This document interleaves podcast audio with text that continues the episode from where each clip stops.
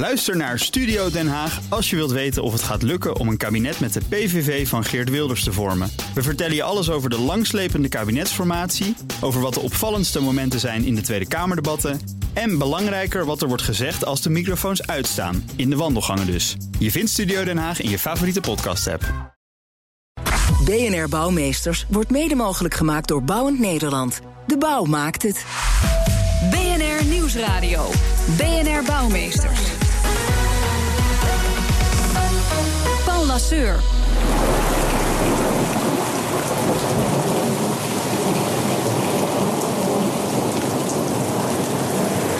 Veel storm met meer en meer regen. Het klimaat verandert en daar moeten we onze bebouwde omgeving op aanpassen. Hoe houden we de straten en pleinen droog, ook in de toekomst? Hartelijk welkom bij BNR Bouwmeesters voor de bedenkers, bouwers en bewoners. Met als gast vandaag eh, Tim van Hattem. Hij leidt het onderzoeksprogramma Klimaat van de Wageningen Universiteit. En Edward Stichter, hij is directeur Beleid Gezonde en Veilige Leefomgeving bij Vereniging Nederlandse Gemeenten. Hartelijk welkom beiden. Ja, eh, klimaatbestendig bouwen, daar gaan we het over hebben. Maar wanneer bouw je eigenlijk klimaatbestendig? Dat vraag ik maar even aan, uh, aan Tim. Uh, nou, dat is een hele goede vraag. Uh, het is, we krijgen steeds meer te maken met, met extreem weer. We krijgen steeds meer te maken met extreme, extreme buien. En daar moet de bouw op inspelen. Want ehm, ja, als we daar niet rekening mee houden in de toekomst... dan, dan zullen we vaker te maken krijgen met wateroverlast. En daarvoor is het heel belangrijk dat eigenlijk op elk moment dat ergens de schop de grond ingaat, dat je rekening houdt en uh, toekomstbestendig gaat bouwen. En dus uh, anticipeert op nou, de verwachtingen van de toekomst. Ja, en is dat achter, de gevels en onder de daken? Of komt het ook, ook zichtbaar? Kunnen we ook zien straks dat klimaatbestendig is, is gebouwd? Gaat het uiterlijk ook veranderen van onze omgeving? Nou, absoluut. Wij, wij pleiten eigenlijk heel erg voor een meer natuurlijke inrichting van onze steden. Dus meer groen in, in, steden. Groen op daken, groen in tuinen, groen in de openbare ruimte. Waardoor eigenlijk dat water op, op een natuurlijke manier in de bodem kan zakken. En nou ja, vooral wanneer we te maken hebben met die hele extreme buien, is dat, uh, is dat, zal dat nog steeds niet genoeg zijn. Dus zullen we ook moeten, moeten kijken naar uh, grote wa waterbergingsgebieden. Uh, waterpleinen, allemaal oplossingen die bijdragen om eigenlijk ervoor te zorgen dat al die hele grote hoeveelheden regen opgevangen worden en, en ja, op een langzame manier afgevoerd kunnen worden um, als dat nodig is. Ja, Edward Stichter, eh, dat is dus echt een zaak voor, voor de collectiviteit om dat te gaan organiseren. Nou ja, in ieder geval een zaak waar uh, heel veel partners en partijen een rol in hebben. Dus bouwers, degene die de gebouwen mm. neerzetten, en die zullen daar rekening mee moeten gaan houden. Maar ook de overheden, gemeenten, waterschappen, provincies, Rijksoverheid zullen rekening moeten houden dat klimaat sowieso verandert. En welke maatregelen we ook nu nemen rondom energiebesparing, duurzame energie, het klimaat gaat veranderen.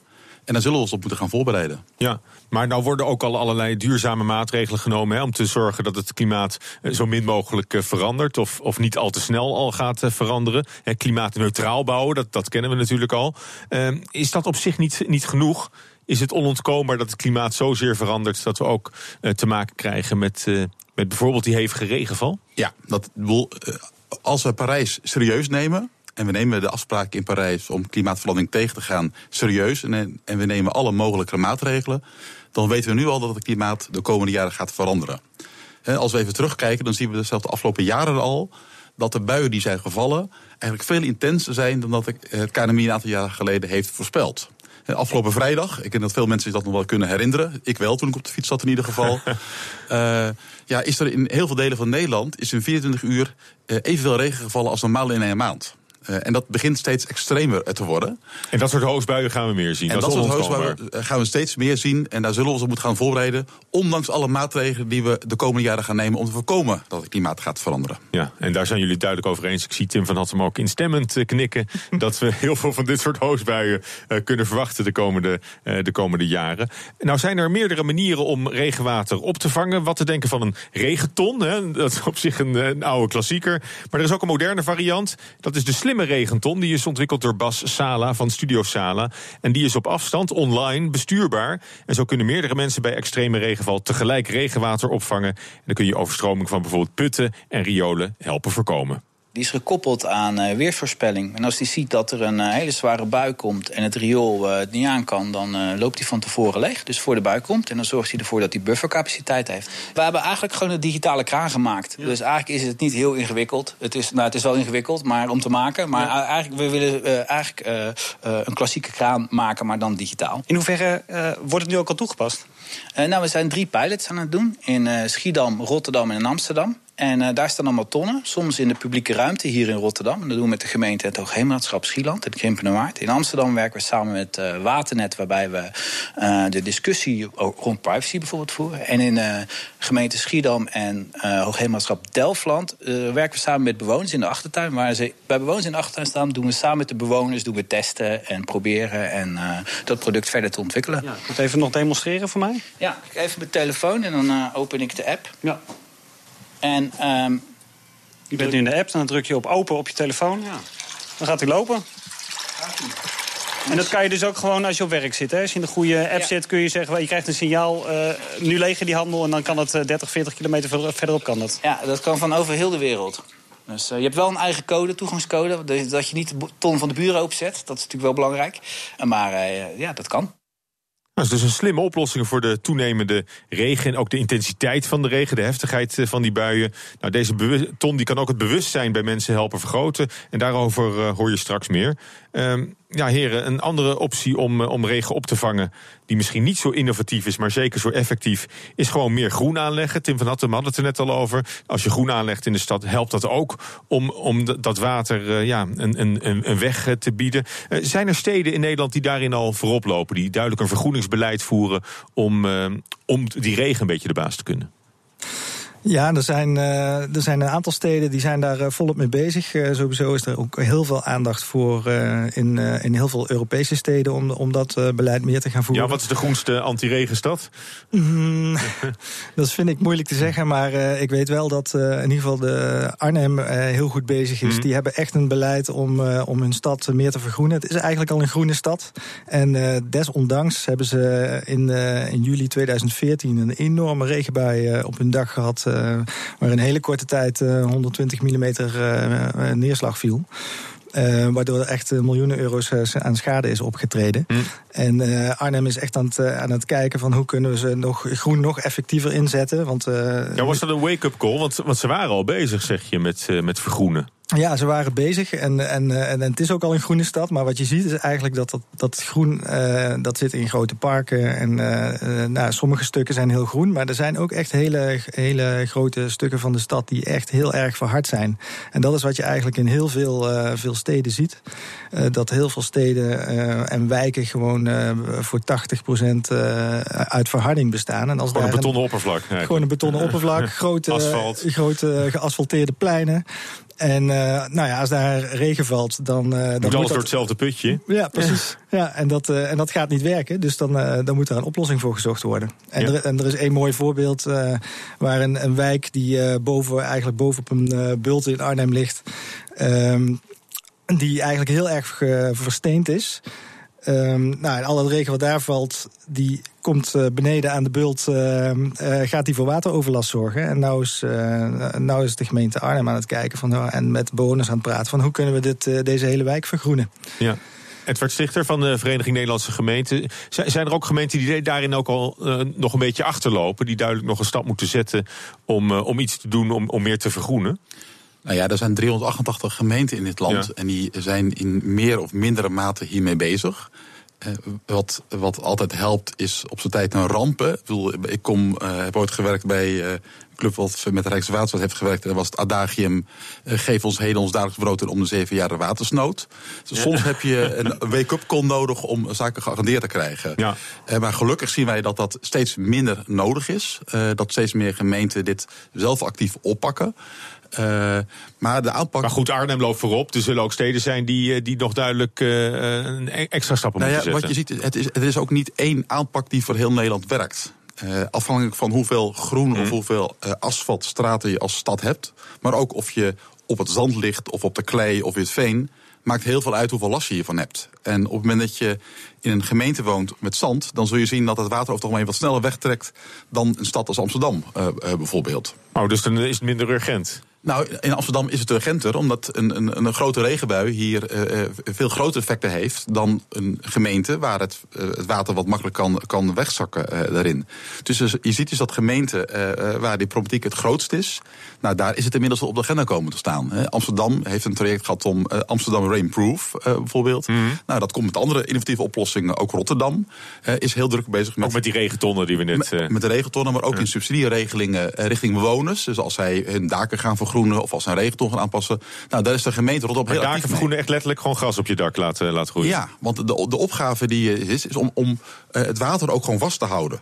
He, Dus op het moment dat het regent, dan, dan moet het water niet direct in het riool, want dat raakt verstopt, dan ontstaan er problemen. Dus naarmate je meer groen hebt in de stad, een soort spons, die, dat ja, je die precies, langzaam precies. wat geleidelijker uitknijpt. Precies. Ja. ja en dan laat weglopen. En uh, ja, Tim, misschien een gekke vraag, maar als je nou al dat water rond en in de steden krijgt, trekt dat niet ook uh, muggenlarven aan en insecten en, en andere narigheid? Want er is ook een reden dat we, dat we natuurlijk het moeras hebben drooggelegd ooit in Berenvellen om er te gaan wonen. Nou, dat is, uh, dat is zeker een aandachtspunt. En uh, dat is ook nog een, uh, eigenlijk best wel een, een goede onderzoeksvraag waar, waar we goed naar moeten kijken. Waarvan ja, je kan wel je hele stad gaan vergroenen en heel veel open water gaan, gaan realiseren. En ook rondom steden waterbergingsgebieden gaan aanleggen, of een soort van wetlands aanleggen om, om mm. water rondom steden op te vangen. Maar de impact daarvan en, en de consequenties daarvan, bijvoorbeeld voor muggenoverlast. Dat is nog een issue waar, uh, waar we volop naar aan het kijken zijn. Uh, wat, ja, wat er, dat er is misschien maar één manier om erachter te komen. En dat is toch de sprongwagen. En, en die bassins aanleggen, denk ik.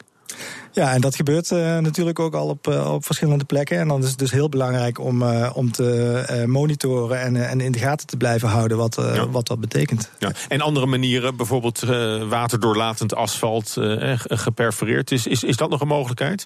Dat we, dat we gewoon niet meer die, die harde schil bovenop de, de grond hebben liggen? Ja, ook dat is een, uh, een oplossing waar, uh, waar volop naar gekeken wordt. Uh, wordt ook veel toegepast. bijvoorbeeld in bedrijventerreinen is dat heel, heel kansrijk... waar grote parkeerplaatsen of, of bedrijventerreinen zijn... die vaak voor, nou, wel voor 90% verhard zijn. En nou, daar kan waterdoorlatende verharding een goede, goede rol spelen. Maar we moeten ons bij al die maatregelen wel realiseren... dat als er echt zo'n hele extreme bui valt dat um, ook groen en ook waterdoorlatende verharding... dan is de tijd om dat water in de bodem te laten zakken... die is er eigenlijk niet. Nee. En dan, uh, ja, dan, dan heeft dat gewoon meer tijd nodig. Dus dan uh, nou ja, krijg je nog steeds eigenlijk wel problemen. Toch natte voeten. En we, we zullen dus onze steden ook zo moeten inrichten... dat we ook uh, soms gewoon accepteren dat onze straten onder water staan... Ja. en dat we onze steden dan wel op die manier inrichten. Want, want, dat is echt een reëel scenario... dat we, dat we echt heel veel wateroverlast krijgen. Zelfs als we dit soort maatregelen doorvoeren. Nou ja, we zien dus de afgelopen, afgelopen jaren steeds meer dit doen. Um, en um, nou, de verwachting is, ook als je kijkt naar de uh, klimaatscenario's van het KNMI, dat, dat uh, dit soort situaties gewoon echt in de toekomst steeds ja. extremer gaan worden en ook steeds vaker gaan voorkomen. Ja. En niemand zal het moeten betalen natuurlijk straks. Dat zal wel via de rioolheffing gaan, of niet? Nou ja, je gelukkig kunnen we ook heel veel maatregelen nemen door werk met werk te maken. Dus in heel veel gemeenten gaan ze aan de slag, worden straten opengebroken, zijn ze aan het nadenken over de herinrichting van het openbaar gebied. Nou, dan moet je dit meenemen. Dat leidt niet per se altijd tot meer geld. Maar je zult er niet aan komen dat bij de bouw van de, van de woningen... dat er misschien extra maatregelen genomen moeten worden. En dat ook gemeenten extra maatregelen uh, zullen moeten nemen. Ja, die zullen voor een, eh, linksom of rechtsom zullen die opgebracht uh, moeten gaan worden. Ja, en dat zal voor de ene gemeente misschien duurder uitpakken dan, dan voor de andere. Mag ik daar nog wat over zeggen? Of die... Ja, nou straks, na, okay. de, na de reclame. Want uh, als we onze straten en pleinen droog willen houden... dan zullen we moeten samenwerken. En hoe we dat moeten aanpakken, daar praten we zo over verder. BNR Nieuwsradio. Bouwmeesters. Om de effecten van klimaatverandering op te kunnen vangen, moeten we samenwerken. Want alleen zo houden we droge voeten met de toenemende regenbuien. En hierover praat ik verder met mijn gasten. Tim van Hattem, hij leidt het onderzoeksprogramma Klimaat van de Wageningen Universiteit. En Edward Stichter, hij is directeur beleid Gezonde en Veilige Leefomgeving bij de Vereniging Nederlandse Gemeenten. Ja, de samenwerking tussen, tussen niet alleen gemeenten, maar allerlei partners, eh, denk ik. Hoe uh, verloopt die op dit moment uh, op het gebied van klimaatbestendig bouwen? Ik vraag het aan de Nederlandse gemeenten. Nou, die loopt, in het algemeen loopt die goed, maar is ook nog in opbouw. Hè. Het is ook een onderwerp wat toch de komende jaren eh, verder moet worden uitgewerkt. Uh, maar een vraagstuk als van hoe maken we onze steden en dorpen klimaatbestendig? En dat kun je alleen maar uh, oppakken, aanpakken als je dat samen doet met andere partijen. En gelukkig zien we dat in de praktijk dat veel gemeenten, ook vaak in samenwerking uh, onderling, maar met de waterschappen, met marktpartijen, met bouwpartijen, die dat oppakken zijn. Want ja, maar, geen en, één partij... waar, waar bestaat die samenwerking? Nou, dat, die samenwerking bestaat op lokaal niveau. Dat ziet dat je dat gemeente initiatief nemen om samen met doe het zelfzaken, tuincentra, campagnes te starten. Bijvoorbeeld haal steen uit uw tuin om het groener te maken. Vaak, nou, daarin zie je op lokaal niveau dat het samen, samen loopt. Maar op landelijk niveau zijn we ook samen met de waterschappen. Maar dus ook echt met eigen huis- en tuinprogramma's. Dat ja, ja, ja, adverteren, adverteren jullie ook met deze, met deze plannen, of niet? Nou, er worden, je, je zouden kunnen meebetalen aan, aan zo'n programma. Sterker nog, natuurlijk. Er is ook, er is ook een, een, een, het is niet alleen maar kommer en kwel en extra kosten. Er liggen ook kansen uh, voor. Bijvoorbeeld voor uh, doe het zelfzaken. Om de tuinen weer te vergroenen. Ja. Uh, dus daar liggen commerciële belangen. De afgelopen tien jaar hebben ze alle tuinen dichtgegooid met tegels. En die kunnen er nu weer uit. Ik zie business. ja. en planten naar binnen dragen. Dus zo, zo blijven we leven aan de gang. Maar dat is, dat is dus ook echt een vorm van samenwerking. Dat jullie ook, ook op die manier gewoon kijken. Nou, hoe, hoe, je, hoe, je, hoe je eind, eindconsumenten ook bereikt. Ja, uiteindelijk eh, zul je, eh, zullen ook de consumenten, zullen huishoudens, eh, de, met de maatregelen die zij nemen, eh, ja, bepalen zij natuurlijk wel degelijk hoeveel water er vervolgens ook de riolen in, in, in stapt. Dus die kun je alleen maar bereiken door ook heel dicht bij, bij de inwoners daar campagnes op te gaan uh, voeren. En we proberen dat landelijk te ondersteunen om met, door met de waterschappen, de provincies en met de Rijksoverheid te kijken. Nou, hoe gaan we nou al die gemeenten, al die partijen faciliteren om dat nou met elkaar te gaan doen? Ja. En ook op het gebied van kennis, denk ik, dat, dat ook op de universiteit wel regelmatig een beroep wordt gedaan. Tenminste, Wageningen ook. Dat, Zeker, ja, dat ligt een hele belangrijke rol ook voor de kennisinstellingen. En ik denk ook in de samenwerking met, met alle partijen die hier, hiervoor aan de lat staan, de bouwbedrijven, de gemeentes, de waterschappen. Um, en de kennisinstellingen gezamenlijk uh, moeten uh, ja, een visie ontwikkelen en een uh, adaptatiestrategie ontwikkelen om steden klimaatbestendig te gaan maken. En dat is niet alleen in Nederland belangrijk, maar je ziet eigenlijk over de hele wereld dat, dat dit soort problemen heel urgent aan het ontstaan zijn. En uh, juist ook dat uh, natuurlijke inrichting van die steden, dat, uh, dat biedt ook enorm veel kansen. Ja. En daar, daar kijken we heel erg naar. Hè. Bijvoorbeeld het vergroenen van steden levert ook een bijdrage aan nou, de biodiversiteit in de stad. maar ook de, de leefbaarheid gewoon voor, voor, voor mensen in de stad. het blijkt dat als, als er meer groen in de stad is, dat mensen meer gaan bewegen. Dus het is goed voor de gezondheid.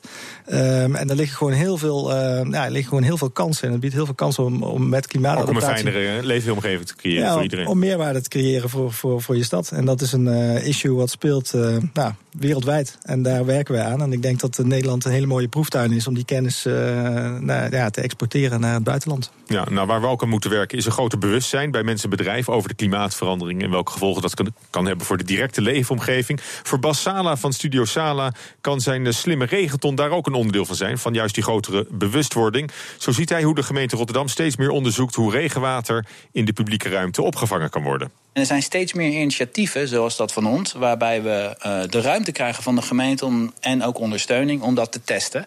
Dus we gaan nou uh, de komende periode in het Zomerhofkwartier in de Agnische buurt een aantal grotere uh, vaten testen in de publieke ruimte met bijzondere vormgeving ook. Ja. Want uiteindelijk zijn we natuurlijk gewoon productontwerpers. Ja, het moet er ook een beetje mooi uitzien. In hoeverre um, gaat het in de toekomst ook nog meer nodig zijn, denk je?